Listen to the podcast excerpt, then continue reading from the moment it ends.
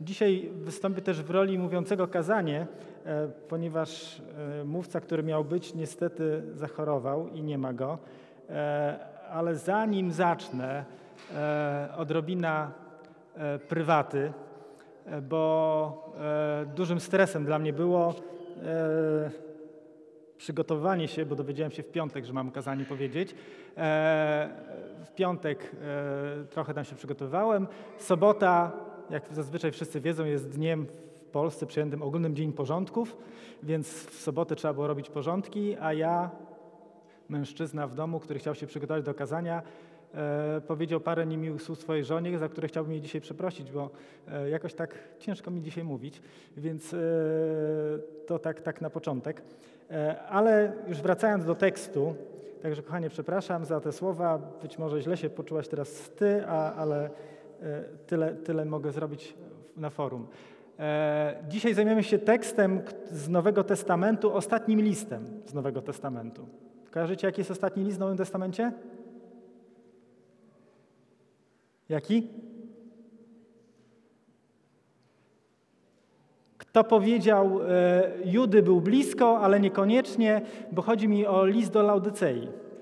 E, w objawieniu w, w, w Apokalipsie świętego Jana mamy siedem listów do zborów i ostatnim jest list do Laudycei. Także tak można powiedzieć, że ostatnim listem Nowego Testamentu jest list do Laudycei. E, jeżeli ktoś ma, to niech otworzy. E, ja najpierw przeczytam go w całości, a później e, odniosę się trochę do niego i, i po kolei omówię. Przeczytam od trzeci rozdział, od czternastego wersetu. Do anioła zboru, wyświetla się, do anioła zboru w Laudycei napisz. Ten, to mówi ten, który jest Amen, świadek wierny i prawdziwy, początek stworzenia Bożego. Znam uczynki Twoje, żeś ani zimny, ani gorący, obyś był zimny albo gorący, a, żeś, a takżeś letni, ani gorący, ani zimny, wypluje Cię z ust moich. Ponieważ mówisz, bogaty jestem i wzbogaciłem się i niczego nie potrzebuję, a nie wiesz, żeś pożałowania godzien nędzarz i biedak, ślepy i goły. Radzę ci, abyś nabył u mnie złota w ogniu wypróbowanego, abyś się wzbogacił i abyś przyodział w szaty białe, abyś nie, aby nie wystąpiła na jaw haniebna nagość Twoja oraz maści, by nią namaścić oczy Twoje, abyś przejrzał. Wszystkich, których miłuję, karcę i smagam. Bądź tedy gorliwy i upamiętaj się. Oto stoję u drzwi i kołaczę. Jeśli ktoś usłyszy głos mój i otworzy drzwi, wstąpię do niego i będę z nim wieczerzał, a on ze mną. Zwycięzcy pozwolę za, e, zasiąść ze mną na moim tronie, jak ja zwyciężyłem i zasiadłem wraz z Ojcem moim na jego tronie. Kto ma uszy, niechaj słucha, co Duch mówi do zborów. To jest już do tych wszystkich siedmiu zborów, które wcześniej słyszały. Fragment, który jest napominający, ale końcówka jest bardzo zachęcająca. Dla mnie był on swego czasu dużym problemem. Pewne teksty, to pewno będę o nich mówił, e, co, co w niej znajdowałem, ale kiedy dowiedziałem się, czym charakteryzuje się apokalipsa, czyli co to jest za gatunek literacki, bo warto wiedzieć, że apokalipsa to nie jest coś jak dzieje apostolskie, które czytamy jako coś zapis kroniki, co się działo po kolei. Tylko apokalipsa jest gatunkiem literackim, który duże znaczenie mają symbole.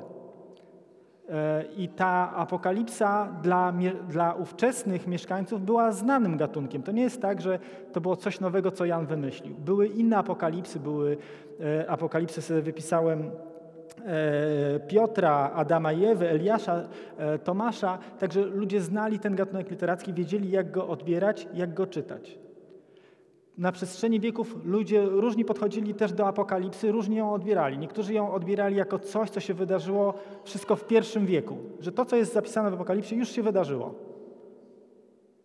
Część mówi, że apokalipsa to jest to, co się ma dopiero wydarzyć, czyli to, co będzie przy końcu świata. Część mówi, że apokalipsę trzeba patrzeć historycznie, są to dzieje Kościoła, gdzie końcem będzie sąd ostateczny. Są też tacy, którzy mówią, że e, jest to taka E, metafora walki prawda ze złem. Że do, dobro e, na końcu wygrywa. Nie chciałbym się dzisiaj tym zajmować, ale chciałbym, żebyście wiedzieli, że jest to specjalny gatunek literacki i warto wiedzieć, że był on pisany do tych ludzi, którzy tam ją konkretnie czytali. I za chwilę powiem trochę o Laudycei, znając uwarunkowanie, w, jakich żyli, w jakim miejscu żyli e, ci mieszkańcy, skąd pochodzili, jak to wyglądało, to słowa, które znajdują się w tym, dużo bardziej stają się jasne. Tak mi się wydaje. Warto wiedzieć, że e, ten fragment, który czytaliśmy e, w trzecim rozdziale, poprzedzają list do sześciu innych zborów. Te inne zbory to Efes, któremu Chrystus mówi, że zapomniał o swojej pierwszej miłości, czyli też niezbyt dobrze pisze. Zbór w Smyrnie, który cierpiał prześladowania i tu jest pochwalany przez Chrystusa. Zbór w Pergamie, który e, potrzebuje upamiętania, czyli znowu dość e, jest napominany. Zbór w Tiatyrze, który miał u siebie fałszywych proroków. Kolejny zbór w Sardes, zbór, który zasnął i jest też napominany. Kolejny zbór w Filadelfii, tym, bar, tym, razem bardzo pozytywnie, kościół, który zachował wytrwałość. I siódmy zbór to właśnie ten w Laodycei, który jest taki nijaki. Taki jak tu jest napisane, że jest ani zimny, ani gorący. Dlaczego? To mnie zawsze zastanawiało. E, jak widać, z siedmiu zborów tylko dwa są pochwalone. To poniżej 30%. tak, taka ciekawostka. E, żeby wiedzieć coś o Laudycei, to warto, e, o tak, pokazuję, sobie wiedzieć, gdzie ta Laudycea się mieści e, i poprosiłem, e, żeby przygotować taką mapkę. I to jest mniej więcej, wszyscy wiedzą, Morze Śródziemne widać i aktualnie Laudycea znajduje się w miejscu, gdzie aktualnie się znajduje Turcja. Tu Ilia trochę przybliży. Laudycea jest, o, o, o, widać? Widać. Obok znajdują się Hierapolis i, i, i, i Kolosy. E, dlaczego o tym mówię? E, bo warto wiedzieć, gdzie to jest i to umiejscowienie Laodycei ma znaczenie dla zrozumienia też tego tekstu. Ponieważ e, jak sobie znalazłem taką wzmiankę o, o Laodycei, co to było za miasto, to może mało istotne, ale że zostało założone przez, w trakcie dynastii Sadyceuszów przez Antiocha II i było położone na szlaku handlowym między Sardes, a właśnie e, przez Filadelfię do, do Laodycei. E, co ważne, obok znajdowały się dwa miasta, w odległości tam 10-15 kilometrów to było właśnie e, Kolosy, e, które mamy list do Kolosan przez Pawła napisany, to było około 14 kilometrów i też znajdowało się Hierapolis, które były ówczesnym uzdrowiskiem rzymskim. Laodycea znajdowała się w Frygii i była najbogatszym miastem tamtego rejonu. To istotne, bo, bo do tego bogactwa w tekście jest często nawiązywane. E, taką krótką notatkę, którą sobie wypisałem, to że Laodicea była świetnie prosperującym miastem rzemieślniczym oraz centrum bankowym. O jej wielkości, zamożności świadczy, świadczy choćby to, iż po e, katastrofalnym trzęsieniu ziemi zapanowania Nerona dźwignęła się sama z gruzów bez pomocy finansowej Rzymu. To jest opisane w rocznikach Tacyta e, i Laodycea była znana bardzo z wyrobu, wyrobu z czarnej wełny, to był hit na tamte czasy e, i miała z tego cały przemysł taki dziwiarski. E, miała też w swoim, na swoim terenie czciła bóstwo z Asklep Asklepios, czyli boga sztuki lekarskiej, ponieważ miała na swoim terenie szkołę lekarską, która produkowała proszek frygijski, który służył do leczenia e, oczu. Czyli to było taka naprawdę e, miasto, które mogło się szczycić, że było bogate, było znane, samodzielne, było dumne z tego, co posiada e, i do takiego zboru ten list został napisany.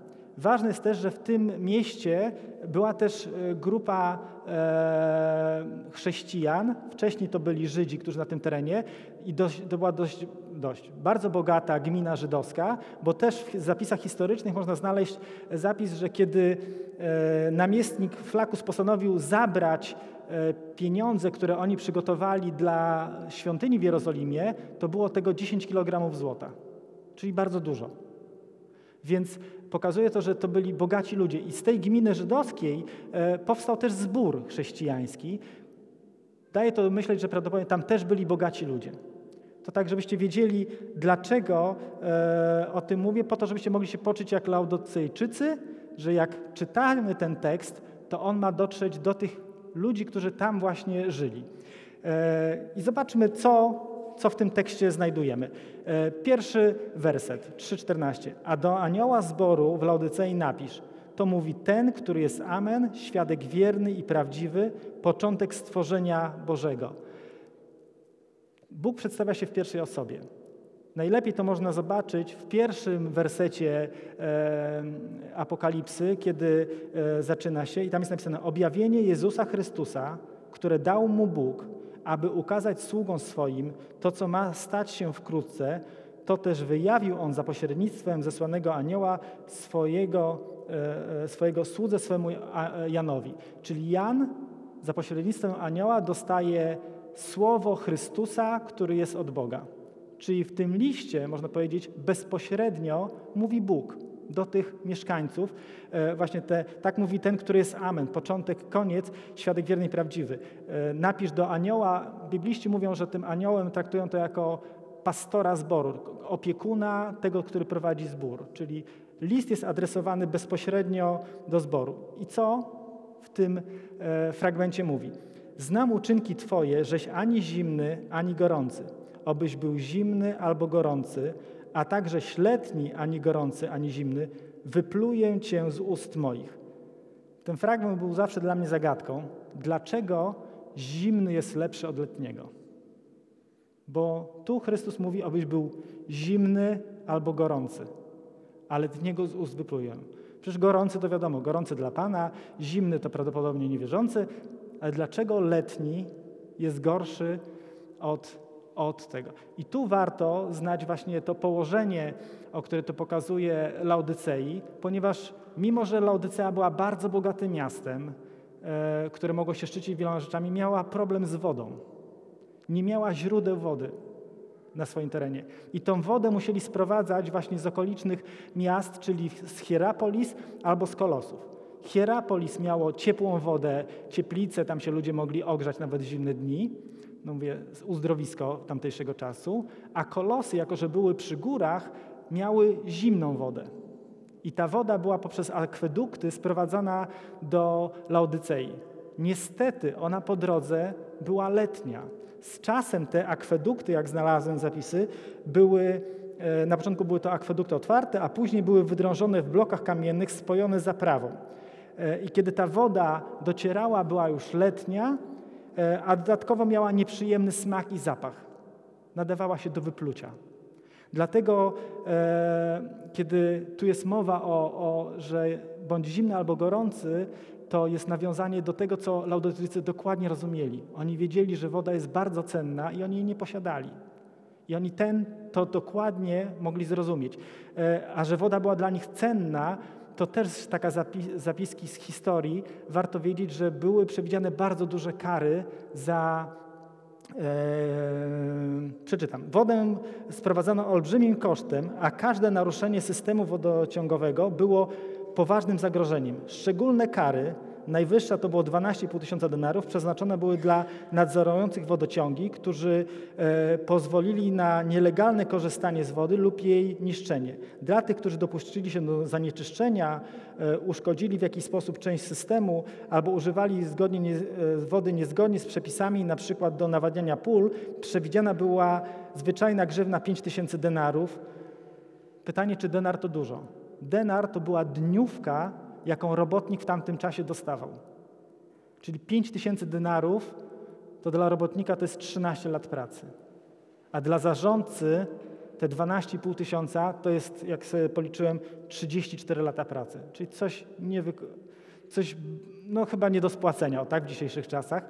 E, trudno to jeden do jednego przeliczyć, że dniówka, nie wiem, powiedzmy 100 zł to pół miliona kary albo tam jeszcze więcej, ale to pokazuje skalę, że Laudyczycy e, była dla nich woda ważna i rozumieli, kiedy Chrystus nawiązywał do, do wody, do zimna, gorąca i do letniości, oni dokładnie rozumieli o, o co chodzi.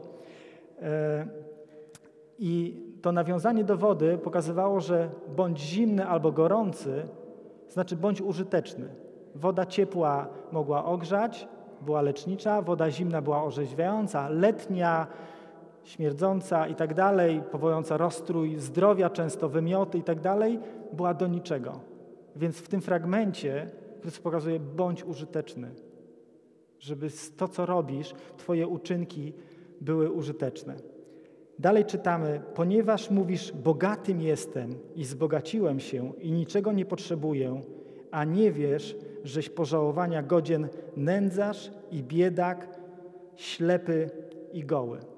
I tu warto znowu się odnieść do tego, że to miasto mieniło się za bardzo bogate. Tak jak wspomniałem, leżało w miejscu, gdzie były trzęsienia ziemi i był czas, kiedy brali pieniądze z Rzymu, żeby się odbudować, ale nastąpił taki moment, kiedy oni powiedzieli, że nie chcą. To w 60 roku za czasów Nerona e, było trzęsienie ziemi, które doszczętnie, jak historycy opisują, zniszczyło Laodyceę i oni powiedzieli, że nie chcą pieniędzy z Rzymu, że z własnych środków sobie. Były jedynym miastem w tym rejonie, które nie wzięło pieniędzy z zewnątrz. Było to prawdopodobnie powiązane też z tym, że e, wcześniej Rzym nie pozwolił im wybudować świątyni na cześć jakiegoś tam bóstwa. Powiedzieli, Rzym powiedział, jesteście za biedni, żeby stać was było na świątynię, nie pozwalamy wam wybudować. I kiedy nastąpiło trzęsienie ziemi, kiedy oni mogli dostać pieniądze od, e, od Rzymu, oni stwierdzili, nie, my jesteśmy bogaci, my mamy swoją dumę, my sobie sami poradzimy, nie potrzebujemy tych pieniędzy i rzeczywiście sami się odbudowali. Także to pokazuje, że te, te miasto, które sobie mówi, że jest e, bardzo bogate, e, Chrystus wskazuje im, że ponieważ mówisz, bogaty jestem, zbogaciłem się, niczego nie potrzebuję, Chrystus pokazuje im, że że jest pożałowania godne, że nagość w Apokalipsie, do której nawiązuje, często jest pokazana z ubóstwem duchowym. Że mimo tego bogactwa, pokładania nadziei w bogactwie, które mają, oni są nadzy.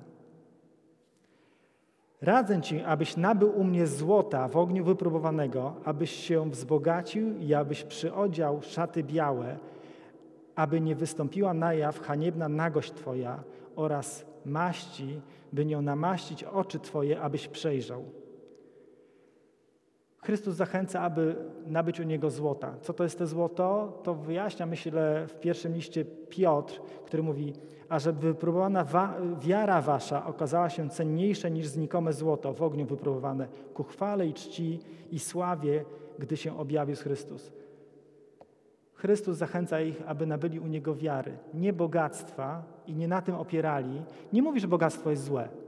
To, to nie, nie, nie o to chodzi, żeby nie było zrozumiane. Tylko On mówi, nie opierajcie na tym swojej nadziei. Nie szczyćcie się z tym, bo, bo to do niczego nie prowadzi. Nabądźcie u mnie wiary e, i mówi do nich ślepi ludzie. Ślepi, którzy mają na swoim terenie e, jak to nazwać, firmę farmaceutyczną, która produkuje proszek frygijski do leczenia oczu, a on mówi, że jesteście ślepi. Mówi do nich nadzy, do społeczności, do miasta, w którym jest ta czarna wełna, która jest znana w całym rejonie i kupują ją wszyscy, która pewno jest jakimś tam przedmiotem prestiżu i, i, i, i czymś ważnym. A on do nich mówi, że jesteście ślepi i nadzy. To ciekawe, właśnie porównując do tych rzeczy, że Chrystus pokazuje, że wszystkie te mocne ich rzeczy, na których oni opierają swoje, swoje bycie, czyli na tym, że bogate miasto, a musi sprowadzać wodę. E, bogactwo i to, że są bogaci, mówi do nich, że jesteście pożałowania, godni i nędzni. E, miasto, które posiada czarną wełnę, czyli coś, czego nie mają inni, jest nagie. Miasto, które posiada proszek frygijski do leczenia oczu, jest nazwane ślepym. Chrystus obnaża i rozwija wszystko, na czym mogli Laudycyjczycy e, e, zbudować swoją pewność. Dzisiaj, można by powiedzieć, gdyby Chrystus do mnie powiedział, Paweł, nie pokładaj, ja jestem najlepszym bezpieczeństwem, i nie pokładaj e, nadziei w bezpieczeństwie e, tego świata, to ja bym to dobrze zrozumiał, że od 15 lat zajmuję się ubezpieczeniami e, i ubezpieczenie nie daje mi gwarancji. Być może tu docześnie tak. ale w przyszłości niekoniecznie. Gdyby to samo powiedział Chrystus do jakiegoś profesora, że ja dam ci wszelkie zrozumienie, to nie chodzi o to, że on neguje wiedzę zdobytą przez tego profesora, ale pokazuje mu, że trochę inny środek ciężkości. To samo mógł powiedzieć budowniczemu, komuś, kto się zna na budowie domów. Chrystus mówi: To ja jestem fundamentem, na którym się buduje. To nie znaczy, że neguje to, co my robimy w życiu. I to nie chodzi o to, że my nagle mamy tych rzeczy nie robić. Tylko kwestia, w czym pokładamy nadzieję. Chrystus w tym fragmencie dokładnie nam pokazuje, co jest dla nas ważne. Chrystus stawia diagnozę, pokazuje, w jakim miejscu są Laudotyczycy. Laudo, laudo, mieszkańcy Laudycei, e, ale nie zostawia ich z tym. Daje im diagnozę jak prawdziwy lekarz i też mówi im, co jest lekiem. To mamy w kolejnych fragmentach. Mówi do nich, wszystkich, których miłuję, karcem i smagam, bądź tedy gorliwy i upamiętaj się. Bóg chce nas wychowywać i chce nas wychować tu i teraz za życia, a nie po śmierci.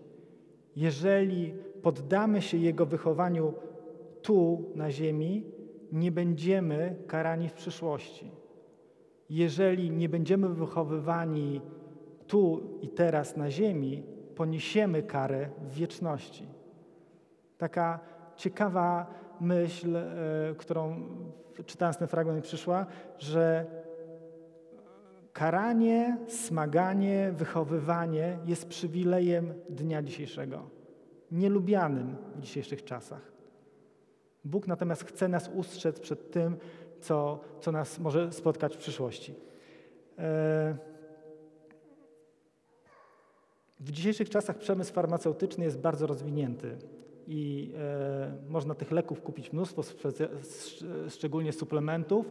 Nikt nie daje gwarancji, że one leczą. Nie mówi też, że zaszkodzą, ale gwarancji nikt nie napisze, że zażyjąc ten lek na pewno wyzdrowiejesz. Zażyj go, a może coś tam się wydarzy. Nikt nie daje takiej gwarancji. Chrystus w dalszym fragmencie, fragmentach daje tą gwarancję, że jeżeli dasz się wychowywać, to coś się stanie. W wersecie 20. Oto stoję u drzwi i kołaczę.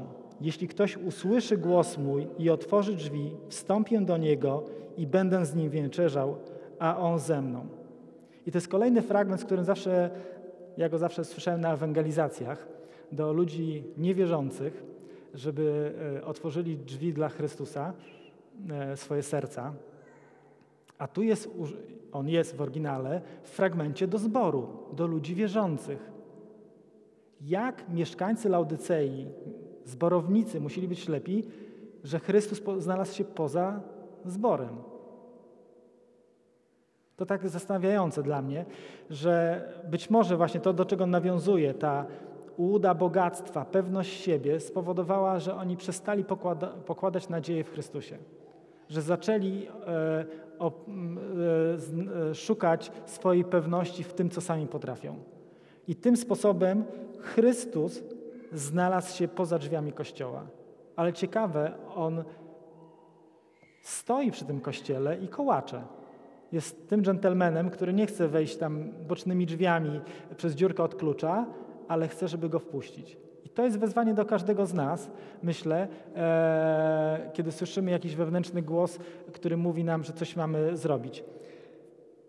Co mówi dalej Chrystus, to już ostatni y, werset, bo dzisiaj będzie krótko. Werset 21. Zwycięzcy pozwolę zasiąść ze mną na moim tronie, jaki ja zwyciężyłem i zasiadłem wraz z Ojcem moim na Jego tronie. Kto ma uszy, niechaj słucha, co Duch mówi do zborów. To już podsumowanie do wszystkich zborów. Ten, kto usłyszy, ten, kto otworzy, e, ma szansę. Diagnoza dla Laudocyjczyków jest straszna, bo e, mówi do nich, że e, op, opierają się na e, dobrach doczesnych, a nie na tym, co powinni. A, obietnica, jak się popatrzy na ten fragment, jest największa ze wszystkich zborów. Inne zbory w tych poprzednich listach do innych zborów mają obietnicę otrzymać albo białą szatę, jak na przykład zbór Sardes, czy panować nad poganami, jak zbór w Tiatyrze, czy być filarem świątyni. Natomiast zbór w Laodycei ma zwycięzcy pozwolę zasiąść na tronie i królować. To jest niesamowita e, obietnica, z której my możemy korzystać. Myślę, że ten fragment pokazuje, jak dokładnie i, i jak rozumieli ten fragment mieszkańcy w tamtym czasie. Oni dokładnie te przykłady, które były do nich dobrane, dokładnie to musieli zrozumieć. Pytanie, co my jako aktualni chrześcijanie w XXI wieku powinniśmy z tego fragmentu wziąć dla siebie. Bo te pismo jest dla, dla nas wszystkich. Argumenty, których Chrystus używał, były dokładnie zrozumiałe dla mieszkańców. Ale myślę, że przesłanie tego tekstu, to co jest w nim zawarte, jest też dokładnie zrozumiałe dla nas jako e, dla e, dzisiejszych chrześcijan. Pokazuje nam, że e, bogate miasto tak naprawdę jest biedne. Że chrześcijanin, który opiera się na swoich dokonaniach, jest tak naprawdę jest biedny. Że szczycąc się z swego ubioru, z tego, co posiadam, e, z czarnej wełny, tak naprawdę powinienem zabiegać o białą szatę, czyli usprawiedliwienie od Chrystusa. Że zamiast szczycić się tym, że mogę pewne rzeczy dokonać, że widzę dzięki jakiemuś maści frygijskiej, tak naprawdę powinien zabiegać o wiarę, czyli to złoto wypróbowane, wiarę, wytrwałość, która jest cenniejsza niż dobra doczesne. E, ostrzega ich, żeby nie byli letni. Nie zachęca, żeby byli zimni, ale pokazuje, że osoba gorąca to taka, która służy Panu zimna przynajmniej wie, w jakim jest miejscu i jest dla niej szansa ratunku. To jest osoba, która zawsze może się odwrócić i przyjść do Boga. Letnia osoba prawdopodobnie, prawdopodobnie jest to osoba, która sama siebie oszukuje. Jest hipokrytą, która myśli, że jest wszystko ok, często porównuje się do innych. E, nie jestem taki zły. Pamiętacie przypowieść o, o e, celniku i farzeuszu? Porównywał się. Czyja modlitwa była wysłuchana? Wszyscy wiedzą. Tak samo tutaj. Osoba letnia próbuje się wybielać. Przez to się zaślepia na to, żeby być gorącym. I przed tym, myślę, Chrystus yy, na, ostrzega i tego mówi, że wypluje z ust. Osobę, która nie będzie gorąca.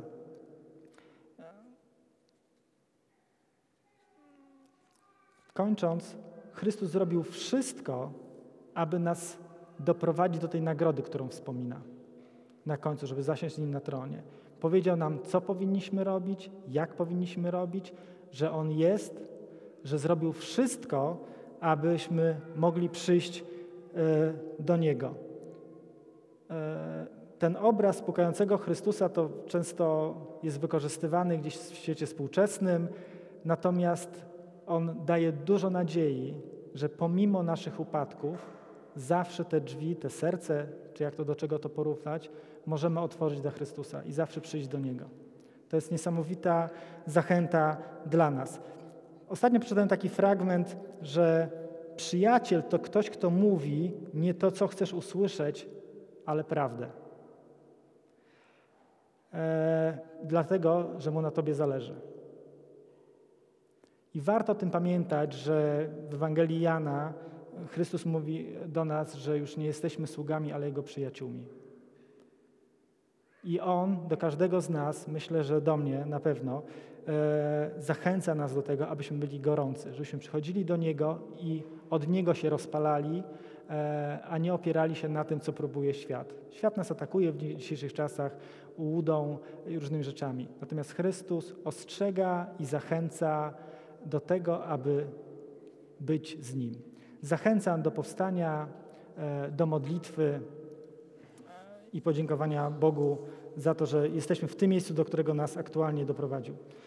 Panie Boże, ja dziękuję Ci, że mamy Twoje słowo i ono jest pełne obietnic, pełne zachęty, ale i napomnienia. Panie, dziękuję Ci, że e, Ty jesteś tym, który napomina, Ty jesteś tym, który oddał życie za mnie i chcesz mnie doprowadzić do końca, do wieczności z Tobą. Panie, dziękuję Ci, że e, znam takiego Boga, że był taki dzień w moim życiu, że dałeś mi się poznać i mogłem oddać swoje życie. Panie, strzeż mnie przed tym, abym nie zapominał, jak wielkim i wspaniałym i świętym jesteś Bogiem. Panie, daj mi tą łaskę służyć Tobie i podobać się Tobie, abyś był najważniejszy w moim życiu. Tak, Panie, prowadź mnie i każdego z nas w uwielbieniu dla Ciebie, aby nasze życie było świadectwem tego, że żyjesz w nas, Panie, aby nasze życie pokazywało innym, że Ty jesteś rozwiązaniem jesteś tym, na czym powinniśmy opierać swoją nadzieję e, i w co powinniśmy wierzyć, Panie. Dziękujemy Ci, że jesteś żywym Bogiem, początkiem i końcem. Tak i amen.